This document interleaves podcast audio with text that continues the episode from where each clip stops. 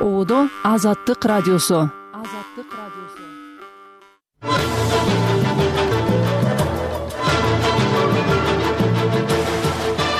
бишкекте мыйзамдуулугу талаш жараткан имараттын тургундары бир суткадан бери суу жана жарыгы жок суукта жашап жатышат. Талас округундагы шайлоонун жокко чыгарылышы добуш сатып алуу маселесин кайрадан козгоду. Шайлоодо акча ойноп атканына кандидаттан дагы көбүнчө эл көбүрөөк роль ойнойт экен да. Орусияда мигранттарды жапырт текшерүү жана кармоо кайра күчөдү айрым мигранттар диний жүйө менен басымга кабылууда мен жума эртең менен жумушка келаткам. Метродон ошо бир мени кармады. Бир жарым сутка жаткандан кийин сууda сурадык эч нерсе бербей коюшту да. Бул темадагы макала баяндар алдыдагы жарым сааттын өзөгүн түзөт ошондой эле чет элдик басма сөзгө баяндама жасайбыз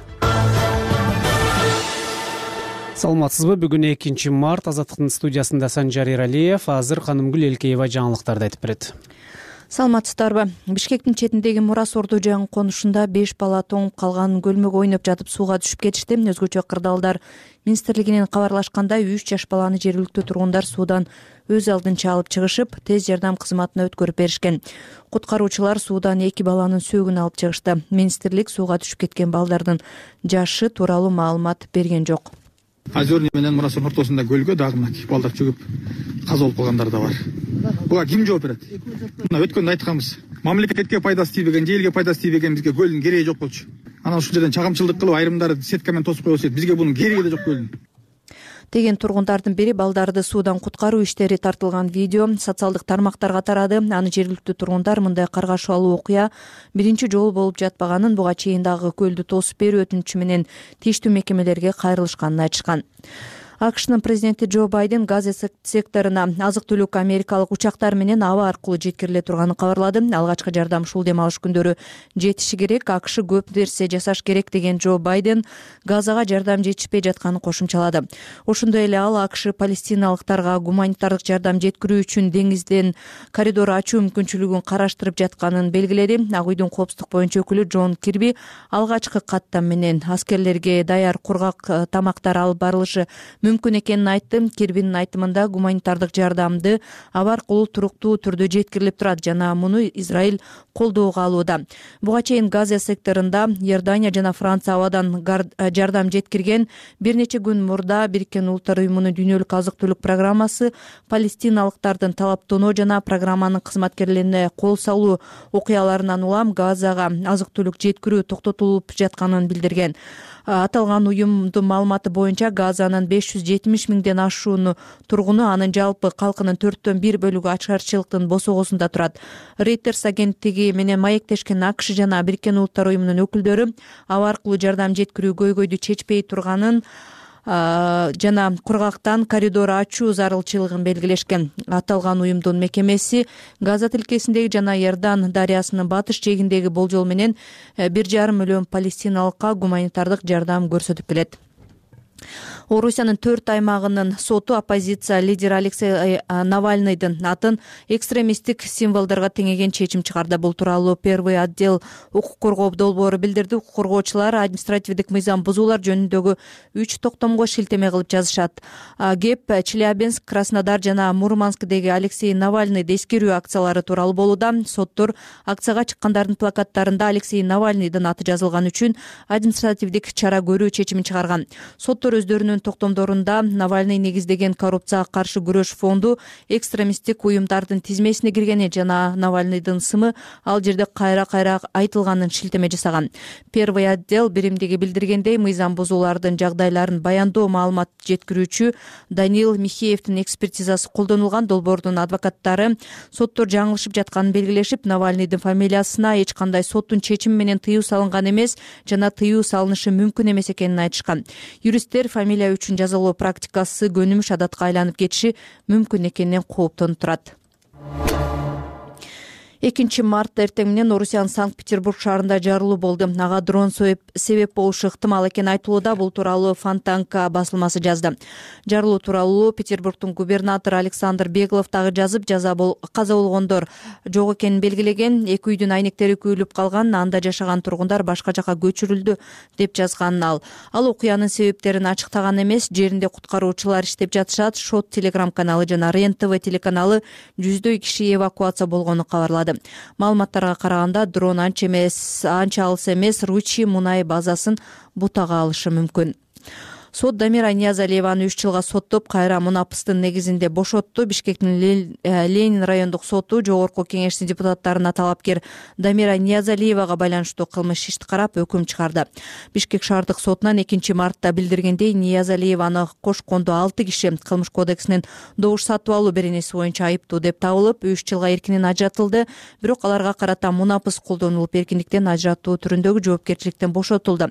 Сот өкүмү жыйырма тогузунчу февралда чыккан эки миң жыйырма үчүнчү жылы майда жыйырма алтынчы ленин э, шайлоо округунун жогорку кеңешинин депутаттыгына кайра шайлоо өткөн. Борбордук шайлоо комиссиясынын баштапкы маалыматтарына ылайык дамира ниязалиева алдыга чыккан. Бешинчи июнда борбордук шайлоо комиссиясы бишкектин ленин районунун депутатка талапкер болгон ниязалиеванын каттоосун жокко чыгарып аны кылмыш жоопкерчилигине тартууга макулдук берген рахмат ханым гүл элкеевадан уктуңуз жаңылыктарды кабар макалалардын толук топтому сайтыбызда дареги азаттык чекит орг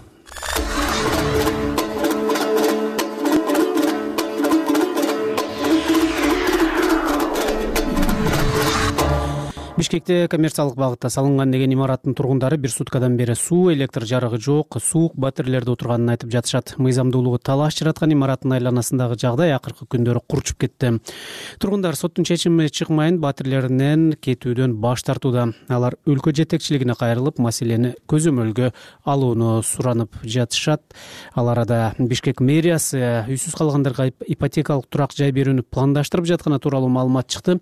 Сөздү кундуз кызылжарова эшиктери ширетилип кирүү чыгуу жолдору жабылган имаратта калгандар журналисттерге видео жөнөтүп соңку абалы тууралуу айтып жатышат.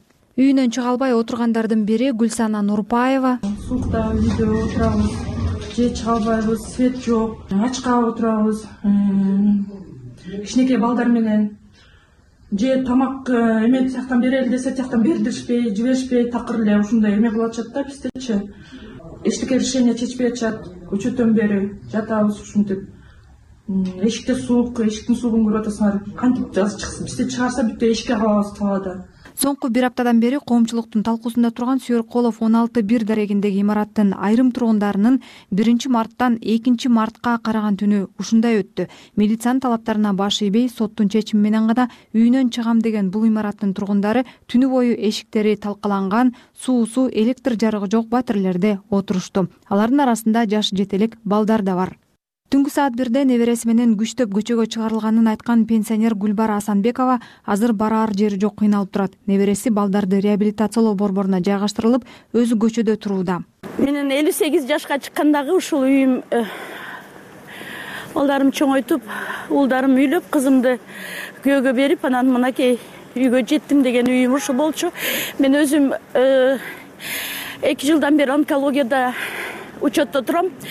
Маган мингиома деген э, диагноз коюшкан башымда э, образование бар. Маган эч бир кайгырганга да болбойт эч качан. Маган э, капаланып эмес маган катуу сүйүнгөнгө да болбойт. Бирок ушундай шарт болуп атат. Айла жок талашка түшүп соңку бир аптадан бери коомдун көңүл чордонунда турган бул имарат орто сай базарына чукул жайгашкан жана кырк тогуз жылга ижарага алынган коммерциялык муктаждыктар үчүн делген он эки сотук жерди ээлеп турат. Имараттын курулушу эки миң он жетинчи жылы башталган. Аны куруу үчүн иорданиялык инвесторлор үч миллион доллар салып алгач мурас мега компаниясы андан кийин нур жанат лтд компаниясы алып ишти улаганы айтылат.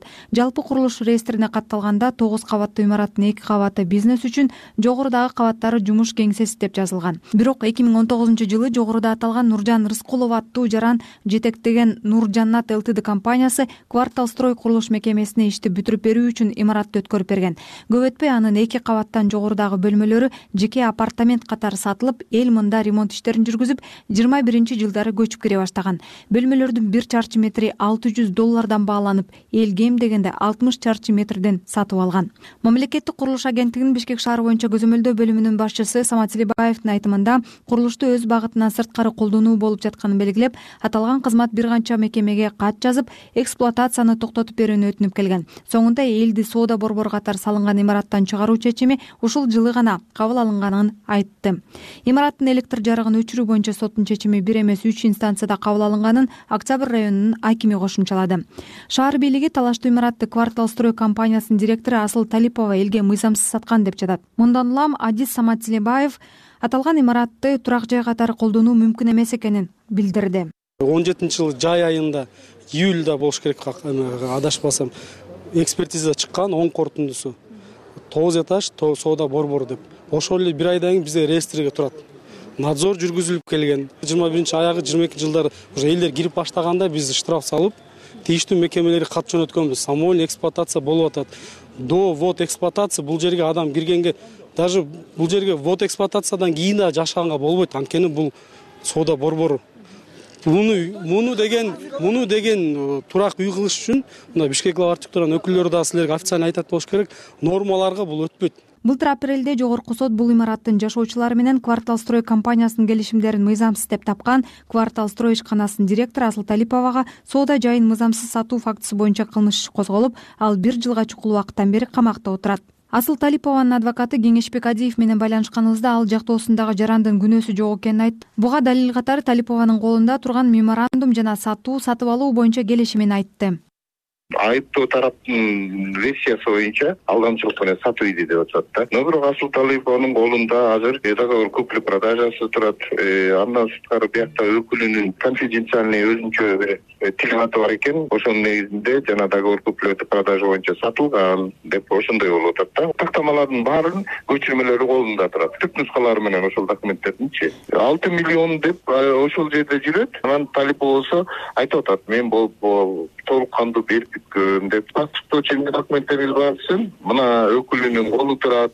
Андан сырткары дагы банк банктан которулган немелери бар экен. Квитанцияларычы колу менен алган распискасы бар экен тергөө жүрүп атканда ошолордун баарын толук кандуу издебестен мына бир тараптуу гана издеп салды да.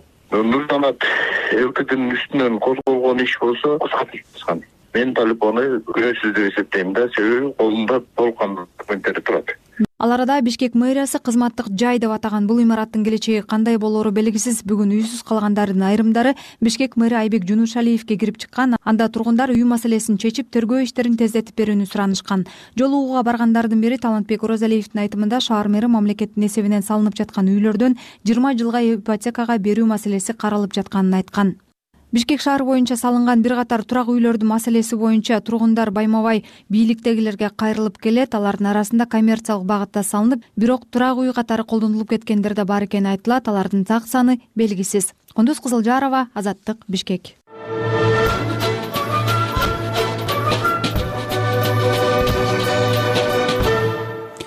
уктурууну улантабыз бишкек административдик соту жыйырма сегизинчи февралда бир мандаттуу талас шайлоо округундагы шайлоонун жыйынтыгын жокко чыгарган буга аталган округтан шайлоого барган эмилбек абдыкадыровдун саясий атаандашы парламенттин азыркы депутаты бакытбек чойбековду добуш сатып алууга айыптаган арызы себеп болду.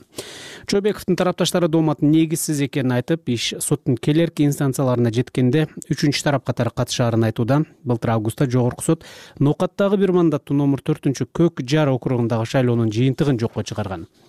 Анын негизинде добуш сатып алууга айыпталган өмүрбек бакиров депутаттык мандатынан ажыраган. Соңку окуя кыргызстандагы шайлоолордогу добуш сатуу көрүнүшү тууралуу талаш талкууну кайра козгоду. Толугураак элеонора бейшенбек кызынан угалы. Борбордук шайлоо комиссиясында эмилбек абдыкадыровдун өкүлүнүн арызы жыйырма экинчи февралда каралган анда бир мандаттуу талас округунан депутат болуп отурган бакытбек чойбековду добуш сатып алууга байланыштуу айыптап бул шайлоонун жыйынтыгын жокко чыгаруу тууралуу өтүнүч келтирилген. Бош айком даттанууну канааттандырган эмес ошондуктан арызданган тарап бишкек шаардык административдик сотко даттанып алардын пайдасына өкүм чыккан. Бакытбек чойбековдун консультанты асылбек рахманов азаттыкка комментарий берип жатып добуш сатып алууга байланыштуу дооматтарды четке какты иш соттун жогорку инстанцияларына жеткенде үчүнчү тарап катары катышып өз жүйөлөрүн келтирүүгө даярданып жатканын билдирди соттун чечими менен макул эмеспиз булар жүйө келтирип жаткан эки жаран шайлоо штабыбызга эч кандай тиешеси жок. Биз да агитатор да болгон эмес байкоочу да болгон эмес. Кандидат чойбековдун шайлоо фондунан аларга бир сом акча каражаты дагы бөлүнүп берилген эмес. Ошол себептен улам соттун чыгарган чечимин биз негиздүү деп эсептейбиз мандатка байланыштуу маселе жок. Бир өкүл өзүнүн кызматын аткара берет соттук териштирүүлөр уланат. Биз дагы өзүбүздүн ошо чындыгыбызды далилдеп укуктарыбызды коргоп сотко барып катышып мыйзам чегинде талабыбызды талашабыз. Боршайкомдун мүчөсү озарбек жылкыбаев административдик соттун чечимине каршы соттун жогорку инстанциясына кайрылуу болоорун бышыктады. Четке какканбыз да нарызынча мыйзамдын талаптарына жооп бербейт деп. Анан сот арыз берген тараптыкын канааттандырып берди. Эми азыр жогорку сотко берилет кайра. Чынын айтканда биз баягы шайлоонун алдында дагы көп эле айтып бергенбиз. Эгер талапкер же талапкердин тарапташтары добуш сатып алууга тиешелүүгү кийин аныкталып калса анда соттун чечими чыгат да күнөөлүү деп табылса анда тиги шайлоонун жыйынтыгы жокко чыгат. Көп эле айтып бергенбиз. Былтыр августта ушундай эле жагдайда борбордук шайлоо комиссиясы өмүрбек бакировдун мандатын мөөнөттөн мурда токтоткон. Былтыр жыл аягында бакиров добуш сатып алууга байланыштуу күнөөлүү деп табылып айыппул төлөгөнү бир аптадай мурун белгилүү болгон. Былтыр майда бишкектеги бир мандаттуу ленин округундагы кайра шайлоодо талапкер дамира ниязалиева утуп чыккан. Бирок ага добуш сатып алууга байланыштуу айып коюлуп анын каттоосу жокко чыгарылган кийин дагы кайра шайлоо дайындалган. Ага катышкан экс депутат ыргал кадыралиева айрым талапкерлерди добуш сатып алууга байланыштуу айыптаган. Кадыралиеванын баамында шайлоолордо добуш сатуу сатып алууга байланыштуу туруктуу схема түзүлүп калган. Ушул кандидаттар белгилүү бир адамдарды сатып алып алар тарапайым элдин добушун сатып алуу менен алектенишет экен. Шайлоодо акча рөлөнүп атканына кандидаттан дагы көбүнчө эл көбүрөөк роль ойнойт экен да. Ошол элдердин арасында бир чоң чоң топтор бар экен. Мафиялар десек болот. Алар менин үч миң добушум бар менин беш миң добушум бар деп элдин үстүнөн кадимкидей эле ээлик кылышат экен. Дегени менен соңку окуялар кыргыз шайлоолорундагы добуш сатып алуу көрүнүштөрү тууралуу талкууларга жем таштады жарандык платформа коомдук уюмунун жетекчиси айнура усупбекова бул көрүнүштү азайтуу үчүн элиде жарандардын аң сезими өзгөрүшү керек деп эсептейт. Вообще это очень большая глобальная тема она больше относится к культуре бул чынында өтө чоң тема. Ал ириде жарандардын маданияттуулугуна жана укуктук сабаттуулугуна тиешелүү мисалы кээ бир адамдар кандай суммадагы акча болсо дагы эч качан добушун сатпайт. Айрымдар үчүн добушу түккө дагы турбайт. Укук коргоо органдары буга каршы баардык аракеттерди көрө алат бирок аны аныктоо аны далилдөө дагы өтө татаал. Ошондуктан бул жерде жарандардын укуктук аң сезимин өстүрүү маанилүү. Аларга сен бүгүн добушуңду сатсаң эртең мамлекеттеги эч качан эч нерсеге таасир этип башкара албай каласың дегенди түшүндүрүү керек. продав сегодня голос завтра ты уже никогда не сможешь управлять страной дегендей былтыр жыл аягында бишкектин свердлов райондук соту парламенттин депутаты шайлообек атазовдун шайлоо компаниясында иштеген добуш сатып алууга шек саналган эки адамды күнөөлүү деп тапкан жана аларга айып пул салган анын алдында азаттыктын ишенимдүү булактары атазовдун мандатына байланыштуу маселе жаралганын билдиришкен. Элеонора бейшенбек кызы азаттык эми кабарлардын учкай мазмуну. Бишкектин мура соорду конушунда беш бала тоңгон көлгө түшүп кетишти үчөө куткарылып экөөнү абыт кеткени кабарланууда. Сот дамира ниязалиеваны добуш сатып алууга байланыштуу үч жылга соттоп кайра мунапыстын негизинде бошотту акшнын президенти джо байден газа секторуна азык түлүк америкалык учактар менен аба аркылуу жеткириле турганын билдирди. Президент садыр жапаров керемет банкты улуттук банктан министрлер кабинетине сатып алууга байланыштуу мыйзамга кол койду санкт петербург шаарындагы турак жайдагы жарылууга дрон себеп болушу ыктымал экени айтылууда. Бул жана башка кабарларды толугураак азаттык чекит орг сайтынан окусаңыз болот. Студияда санжар эралиев азаттык радиосунун толкунундасыз. Бүгүн экинчи март эми чет элдик басылмаларда чыккан айрым макала баяндарга сереп салабыз. Сөз айнура жекше кызында франциянын президенти эммануэль макрондун аскерлерди украинага жөнөтүү ыктымалдыгы тууралуу сөздөрү европалык өзгөчө франциялык медиада талкууланып талданып жатат. Лемонт президенттин карама каршылыктуу билдирүүсүнүн эки өңүтүнө токтолот. Биринчиден ал франциянын саясий сахнасында согуш жапа чеккен украинага жардам берүү агрессор орусияга кандай мамиле кылуу зарылдыгы айланасында талкуу жүргүзүүгө түрткү берди коркунучтарга толгон азыркы эл аралык контекстте конкреттүү дебаттар зарыл деген гезит он алтынчы февралда киев менен эки тараптуу коопсуздук келишимине кол коюлганын белгилейт андан ары макрон парижде украин президенти владимир зеленскийди кабыл алган ошол эле күнү орусиялык оппозиционер алексей навальныйдын абакта каза болгону кабарланганы. Француз лидери мындан улам орусияга каршы ого бетер катаң позицияны ээлегени айтылат.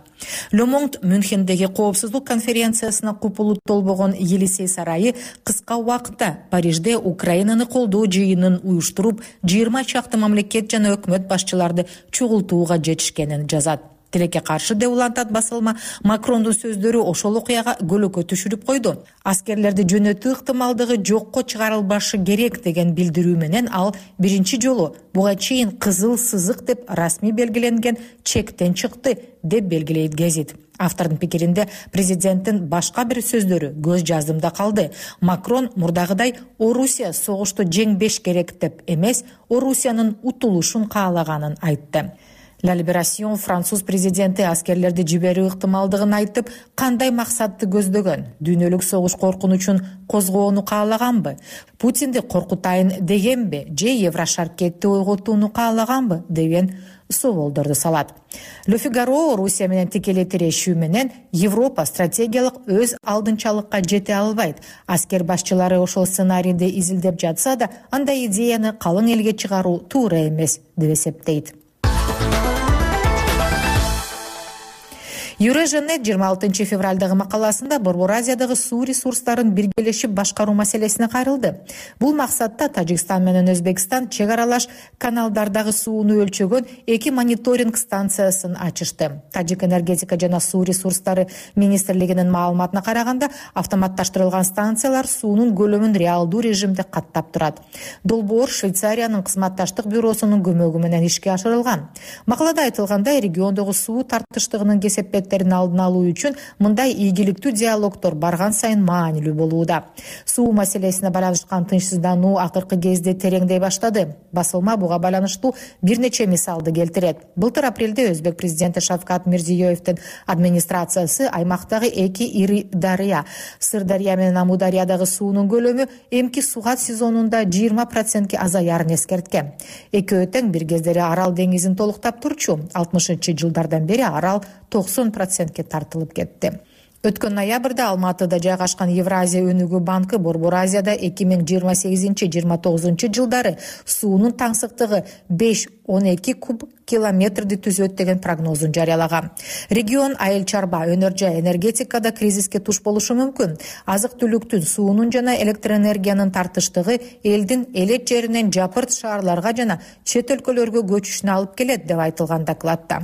Макалада белгиленгендей ооганстандагы эки жүз сексен беш километрлик кош дөбө каналын куруу абалды ого бетер кыйындатууда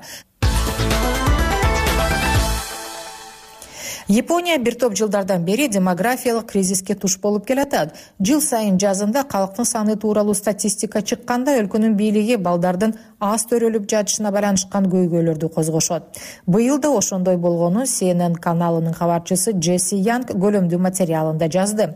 Өтүп бараткан аптада чыккан маалыматка ылайык былтыр балдар алдыңкы жылга караганда беш бүтүн ондон бир процентке аз төрөлдү. Мындай төмөндөө сегизинчи жыл катары менен катталып келатат. Автор жылына өлгөндөр туулгандардан ашканы калктын тез кыскарышына алып келгенин жана улгайган кишилердин көбөйүшүнөн улам жумушчу күч тартыш болуп экономика социалдык камсыздандыруу системасы да зыян тартып жатканын белгилейт.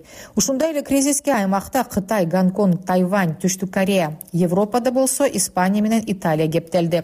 Cnn демографиялык кризистен жапа чеккен акш өңдүү өнүккөн мамлекеттерден айырмаланып япония жана чыгыш азиялык калган өлкөлөр калкын иммигранттардын эсебинен толуктуу саясатын жүргүзбөгөнүн баса белгилейт.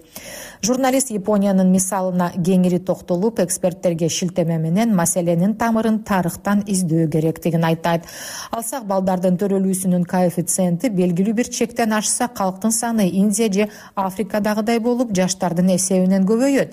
Японияда элүү жыл бою бир миң тогуз жүз жетимиш үчүнчү жылкы рецессиядан бери ал коэффициент эки бүтүн ондон бир деген көрсөткүчтөн төмөн болуп келатат эксперттердин бири белгилегендей мындай кырдаал япониянын келечеги жок дегенди билдирбейт. Бир канча убакыттан кийин демографиялык абал жакшырып тең салмактуулук орнойт. Муну менен катар жумуш орундарын толтуруу үчүн машина роботтордун эмгегин колдонуу кеңири практикага айланышы ыктымал. Же иммиграция саясатын өзгөртүү зарыл деп айтылат макалада айнура жекше кызы прага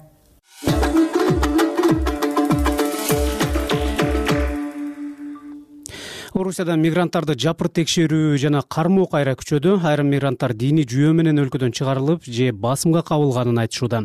Азаттыктын кабарчысы айгерим акылбекова орусиядан чыгарылган кыргызстандык мигрант аялдарды кепке тартты өзүн айжамал деп тааныштырган мигрант келин москва шаарында эки миң он алтынчы жылдан бери жашайт. жыйырма биринчи февралда москванын басман райондук соту аны өлкөдөн чыгаруу чечимин кабыл алган. Айжамал ал күндү мынтип эстеди просто мен биринчи жолу мындай нерсеге москвада ошончодон бери жүрөм. Биринчи жолу ушундай нерсеге түштүм да. Биринчи жолу ушундай нерсеге кабыл алып атам да.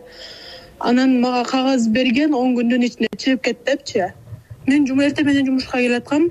Метродон ошо бир мени кармады түштүм ал жерде отурдум бир аз анан кагаз толтуруп эле отделенияга алып барышты.